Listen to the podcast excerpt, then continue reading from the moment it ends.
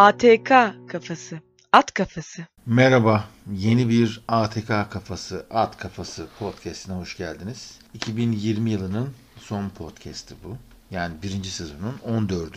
bölümü. Şimdi 2020 bitiyor. Herkes çok mutlu. Çünkü 2020 bayağı kötü bir yıl olarak tarihe geçti ama daha kötü günler vardı. Takvimde yıl sayısının bir tane artmasının bir manası yok. Yani bu felaketler yıllara bakmıyor ya da hangi gezegenin diğer gezegenlerle konumunu, yıldız haritalarına falan bakmıyor. Yani bana sorarsanız bu podcast dinleyiciler arasında da olabilir. Burçlara inanan gezegenlerin hareketiyle geleceğimizin ya da yaptıklarımızın değişeceğini, etkileneceğini düşünenlerden değiliz biz. Umarım bana kızmıyorsunuzdur. Şimdiye kadar 120 milyar insan doğmuş. 120 milyar. Bazıları 110 diyor, bazıları 150 diyor. 120 milyar insanın yaşadığı felaketler 2020 yılında bizim 8 milyar olarak yaşadığımızdan iyi olamaz. Yani 2020 yılı dünyanın en kötü yılı olamaz. Örneğin 536 yılında dünyada gökyüzü bile görülememiş. Çok büyük bir volkanik patlama yüzünden öyle bir kül, öyle bir duman, öyle bir güneşi kapatan etki olmuş ki 16-18 ay boyunca Avrupa, Orta Doğu ve Asya'nın büyük bölümü karanlığa mahkum olmuş. Öyle ki 18 ay boyunca hiç güneş görmüyorsunuz, hiç gökyüzü görmüyorsunuz. Bütün mahsulleri de, bütün her şeyi de etkiliyor. Acayip bir kıtlık da yaratıyor. 2020 yılından daha kötü yıllar da var. 1346 yılında Avrupa'da 25 milyon, dünya genelinde ise 200 milyona yakın insanın ölmesine sebep olan hiyarcıklı veba salgını bunlardan daha kötüsü. 1520 yılında İspanyol ve Portekizliler Amerika'ya çiçek hastalığını yaydılar ve aslında Amerika'nın bir şekilde Latin istilasına teslim olmasının en büyük sebebi de bu çiçek hastalığıdır. 1918'de 1. Dünya Savaşı'nda dönen askerlerin İspanyol gribi yaymaları yüzünden 50 milyon kişi öldü. Öyle az bir şey değil de o zamanki nüfusun %3'üne ya da 5'ine eşit oluyor. Birinci Dünya Savaşı bittiği zaman 1919 yılında Kurtuluş Savaşı'nı başlatmak için iyi bir sebep de yok değilmiş yani. Durumu iyi görmek lazımmış. Sanırım iyi görmüşüz. AIDS 1980'li yıllarda artık biliniyordu. 32 milyondan fazla kişiyi öldürdü. Daha daha büyüğü belki de hani biraz tahmine dayanan ama arkeologların da bir şekilde kabul ettiği deniz izotop çağı diye bir on binlerce yıl süren garip bir zaman var. On binlerce yıl özellikle soğuk ve yağışsız bir dönem. On binlerce yıl. İnsan orijinleri enstitüsünden bazı bilim insanları bu dönemdeki kuraklığın türümüzü neredeyse yok ettiğine inanıyor. Düşünün on binlerce yıl soğuk, yağışsız, kurak, kıtlık, hiçbir şey yok. Kutup iklimi dendiği zaman genel olarak su sıkıntısının olmadığı düşünür ama yiyecek bir şey de yok. Afrika'nın güney kıyısında deniz ürünlerinden beslenmeyi öğrenmişler ve cennet bahçesi denilen bir bölgeye sığınarak kurtulmuşlar. O yüzden insanlığın başlangıç noktası Güney Afrika derler. O yüzden tüm DNA dizilimi oradan başlayıp yayılır. 2020 yılı bitince felaketler bitmeyecek. İnşallah biter de 2021 yılında her şey iyi olacak diye bir durum yok. O yüzden sosyal medyada Allah'ın belası 2020 yılı bitse de kurtulsak falan diyorsunuz ya o sadece değişen bir rakam. Ama işte bir şekilde insan umutla yaşar. Bir yıl boyunca podcast'imi takip edenler farklı konularda tek kelimelik başlıklar seçtiğimi görmüşlerdir. Böyle bir defterim var benim. Defterim meseleler ve sunumlar diye. İfşa meselesi hala koca bir buzdağı gibi bu defterde duruyor semiotik yani dilin bir hapishane olması konusunda da konumuz duruyor. Başladım onlara. Her podcast için bir dosya açıyorum. Bu dosyada bildiğim her şeyi yazıyorum. Sonra size sunacaklarımı bir şekilde filtreliyorum. Ona göre çalışıyorum. Simülasyon teorisi bu aralar revaçta. Benim simülasyon teorisini açıklama yöntemim biraz farklı olacak. Matrix ve Amakı Hayal. Bu ikisi arasındaki gidiş gelişlerle tanı. Biraz Westworld'e de dokunacağız. Yine simülasyon teorisi bizim en iyi konularımızdan biri olacak. Yine yeni sezonda ifşa meselesi kısmında topluluğun üyesi olmak, futbol ve fanatiklik, benlik, ben kavramının ne olduğundan bahsedeceğiz. Sonra alakasız bir konuya geçip fotoğrafın hikayesine. Fotoğraf nedir? Tabii bu görme biçimlerine de referans veren bir konu olacak. Biraz kitaplardan, biraz saatlerden, biraz seyredilmesi gerekenlerden bahsederim belki bir programda. Ve sonra tabii eğitimle ilgili uyaran bombardımanı içerisindeki algı kapılarımızın nasıl değişik yerlere açıldığı konusunda bir programımız olacak. Sonra biraz yerelliğe girip özür dileme meselesine bakacağız. Evet özür dilemek nedir? Veya özür dilememe takıntısı nedir? Sen beni yanlış anladın bir özür müdür? Ona bakacağız. Biri bizi gözetliyorla ortaya çıkan seyredilme, öne geçme, kayıp hayatların, evlilik programlarının artık ne hale geldiğini, Strawman hakkında bahsedip sonra şu Gezi Parkı meselesine birazcık değinip Türkiye'nin siyasal hayatındaki en büyük olayları 6-7 Eylül'den Gezi Parkı protestolarına kadar hakkında böyle bir projeksiyon yapmak istiyorum. Yeni çağın yeni dertleri ve sonra tabii ki en sevdiğim konulardan biri cahillik, mutluluk mudur?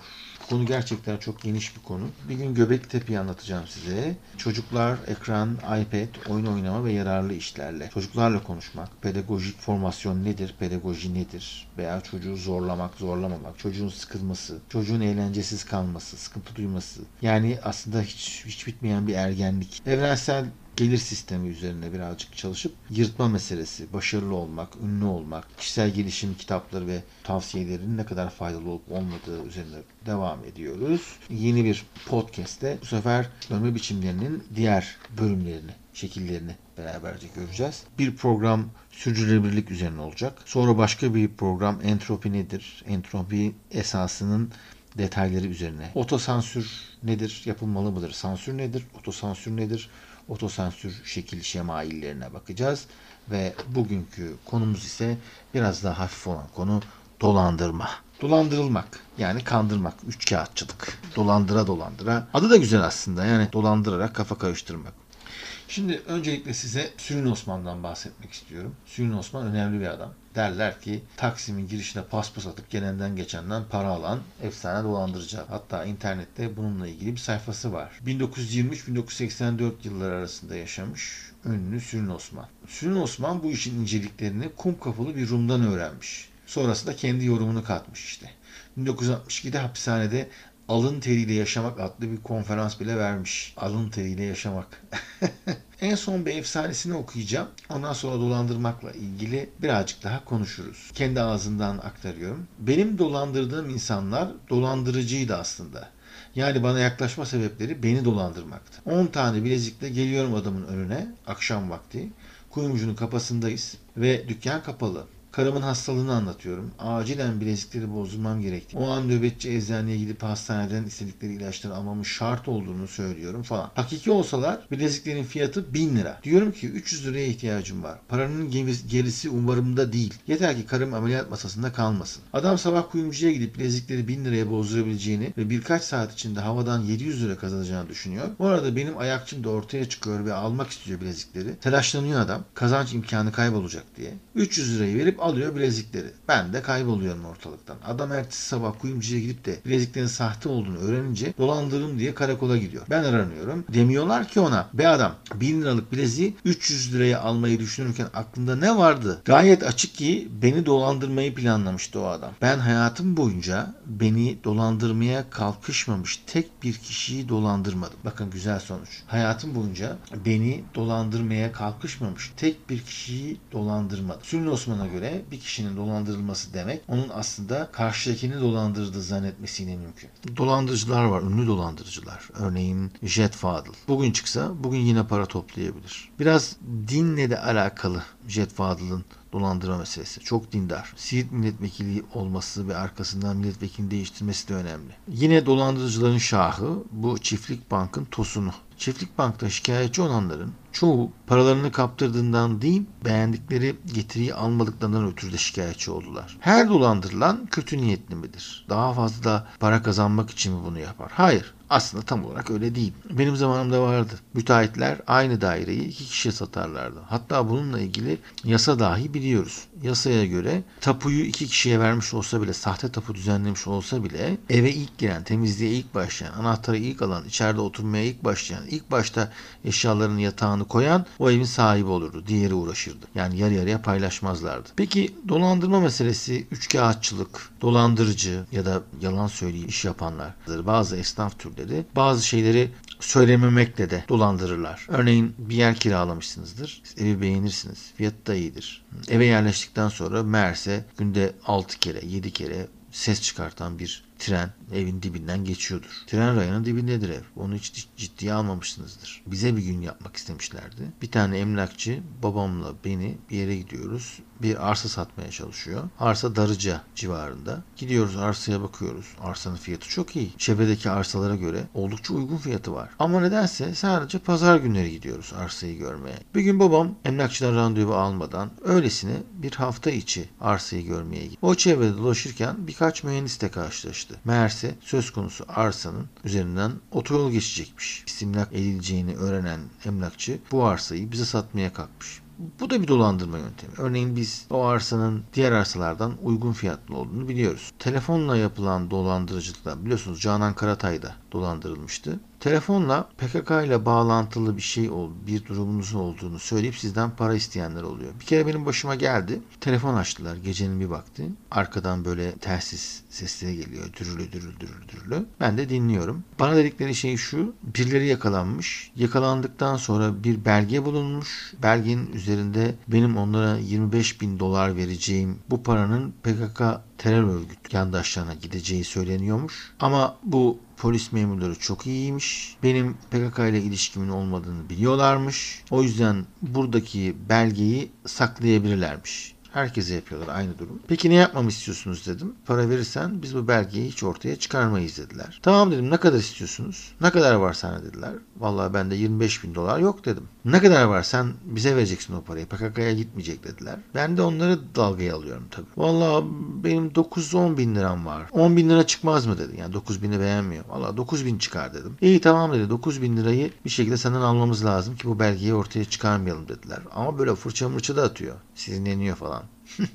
Şimdi git kredi kartından parayı çek. Ben söze girdim. Ya bir şey soracağım. Hangi kartla çekmem lazım dedim. Ne demek istiyorsun dediler. Bonus var ve yapı kredinin kartı var. Bunlardan hangisi geçiyor size. Bizde geçmiyor. Sen gideceksin bankadan o parayı çekeceksin. Bankadan çekeceğim de evet, hangisini çekersem daha az faiz veririm falan. Hangisinde kampanyanız var diye sordum. Böyle sinirlenmeye falan bilmem neye başladı. Ben de bir tüketici olarak haklarımın olduğunu, bu haklarımı sonuna kadar savunacağımı, bana polis olarak göreviniz hangi karttan parayı çekersem daha karda olacağımı ve daha az faiz ödeyeceğimi söyleme zorunluluğunuz bulunduğunu. Bunu yapmazsanız sizi ayrıca amirlerinize şikayet edeceğimi falan filan söyledim. İş uzadı. Artık konuşma küfürleşmeye doğru giderken asıl küfürleri ben etmeye başladım ve sabahtan beri beni dolandırmaya çalıştıklarını söylerken telefonu kapadı. Suratıma bir daha da o telefonu açmadı. Aynı şekilde bir kere kart, kart yüzünden de oldu. Garanti Bankası'nı aradıklarını söylediler. Benim kartlarım sigortalıymış. Sigortanın devam etmesi için belli bir para vermem gerekiyormuş. Kartımın sadece son 4 rakamını biliyorlarmış. Kartın diğer rakamlarını söylememi istiyor. E dedim bankadan aramıyor musunuz? Evet. Siz zaten biliyorsunuz numarayı dedim. Yok burada gözükmüyor diyor. Tamam gözükmeyebilir ama bankadasınız sizin de elinizde. Ben onaylıyorum dediğim anda çekebilirsiniz dedim. Ama ben onaylamıyorum dedim. Bu işte başladı konuşmaya falan. Peki hangi kart dedim? Hangi garanti kartı? Hep kem küm falan filan demeye başladı. Dedim ki ya sen kimi yiyorsun? Yine çat diye kapadı telefon. Değişik değişik dolandırma yöntemleri. Bu dolandırma yöntemlerinin söylediğim gibi öncelikli olarak dolandırılanın karşı tarafı karşı taraftan bir şey elde ettiğini zannetmesiyle başladığı ortada. Peki diyeceksiniz ki bazıları var dolandırıcıya para vermek için onları o anda uyaranlara bile sinirleniyorlar. Örneğin son anda şüpheli hareketleri yüzünden PTT memurları, banka memurları parayı böyle alelacele çeken, apar topar para bulmaya çalışanları fark edip polise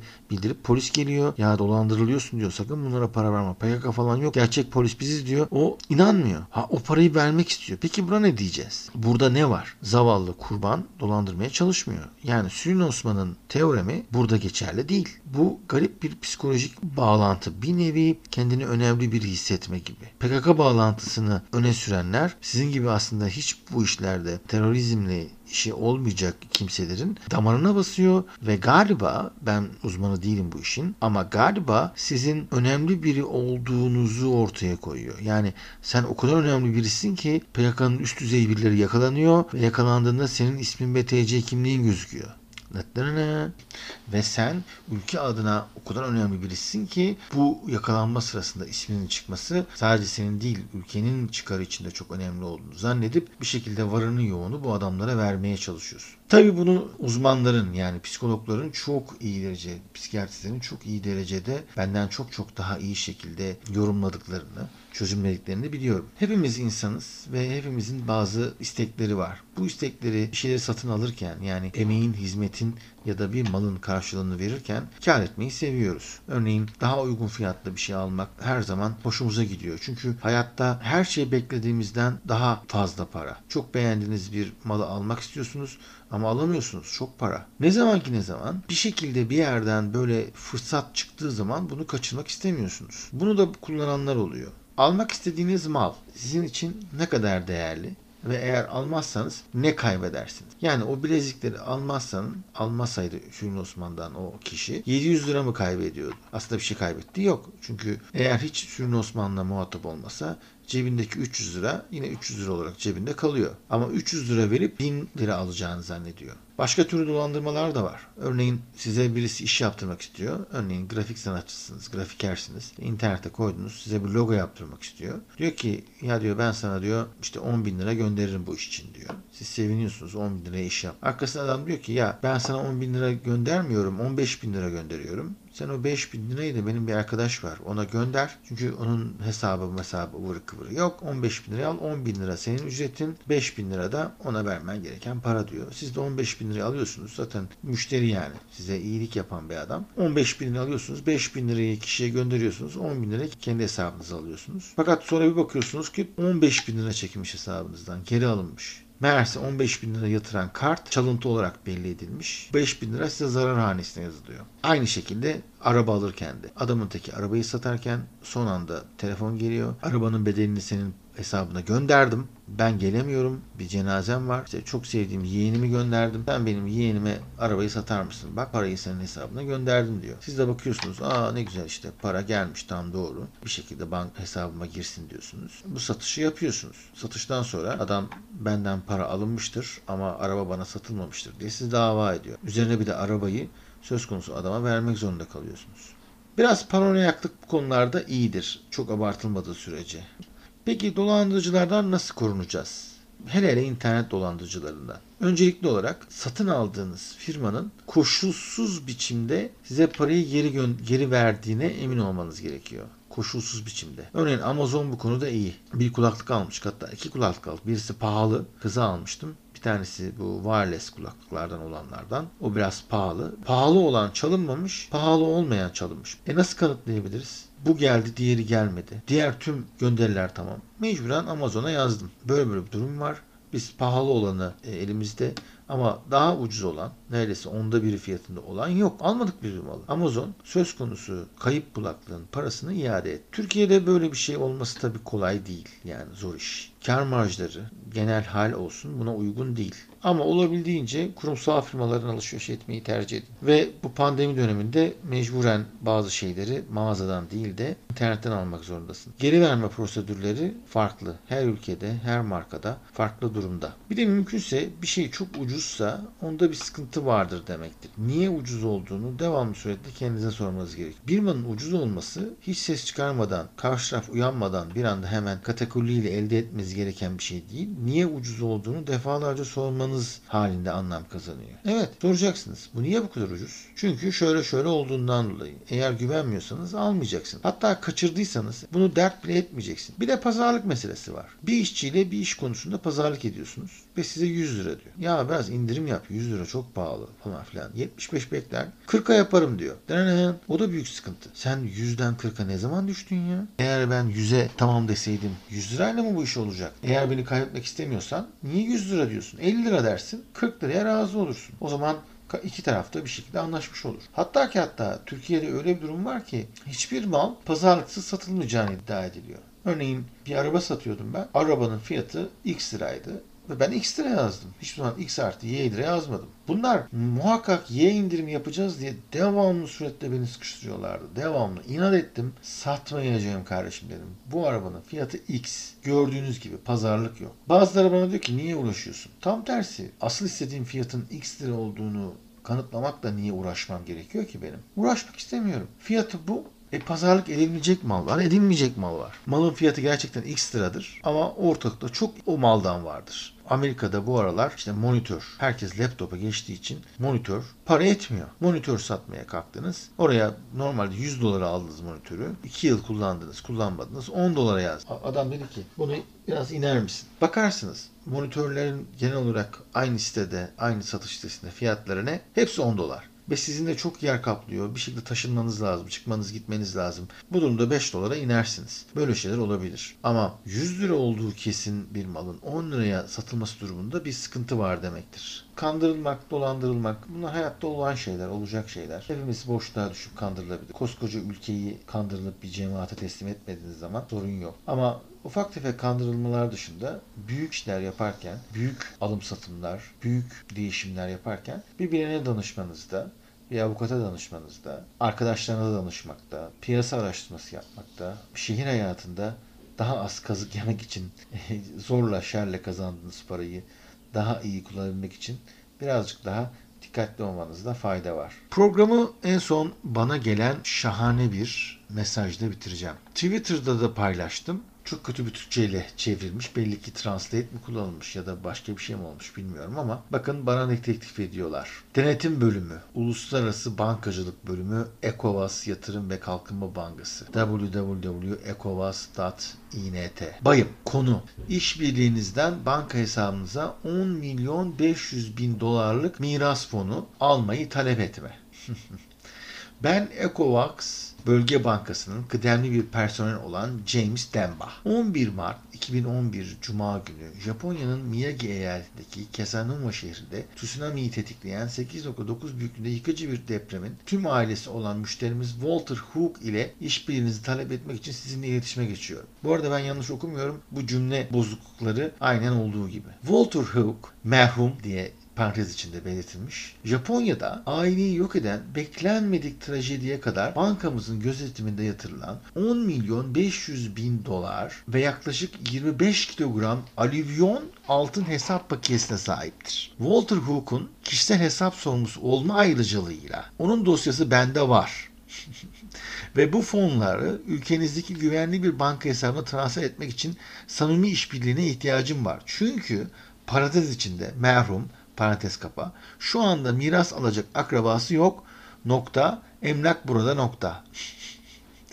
Bu büyük meblaları sadece devlete verilecek talep edilmemiş fonlar olarak ilan etmek istemiyorum ve bir banka personeli olarak şahsen talep edemem. Walter Hook'un parantez içinde merhum iş ortağı olarak sizin adınıza şeffaf bir yasal belge aracılığıyla bu fonların tercih ettiğiniz banka hesabına transferini kanun çerçevesinde başarıyla tamamlayacağız. Bu işlemin %100 risksiz olduğundan emin olabilirsiniz. Bankadaki konumum ve ayrıca bankacılık sektöründeki engin tecrübem sayesinde bu fonların başarılı bir şekilde banka hesabınıza aktarılması için sizinle çalışmayı dört gözle bekliyorum. Tecrübeli bir banka olarak bu projenin olasılığı veya başarısı hakkında çok fazla soru sormayın. Çünkü adınıza gerekli değişiklikleri gerçekleştirmek üzere banka veri tabanının nasıl değiştirileceğini biliyorum.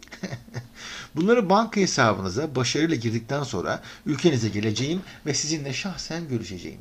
Böylece parayı %50 %50 eşit paylaşabilirim. Lütfen bana özel postamla yanıt verin. James Demba on at hotmail.com Saygılarımızla James Demba. Benden ne istiyormuş? Benim banka hesabıma başarıyla girecekmiş. James Demba ile Türkçe yazışıp niye Türkçe biliyorsa bu James Demba. Neden Japonya'da tsunami'den ölen kişi Walter Hook hangi banka? ECOWAS INT. ECOWAS INT'ye giriyoruz bakıyoruz. Economic Community of West African States.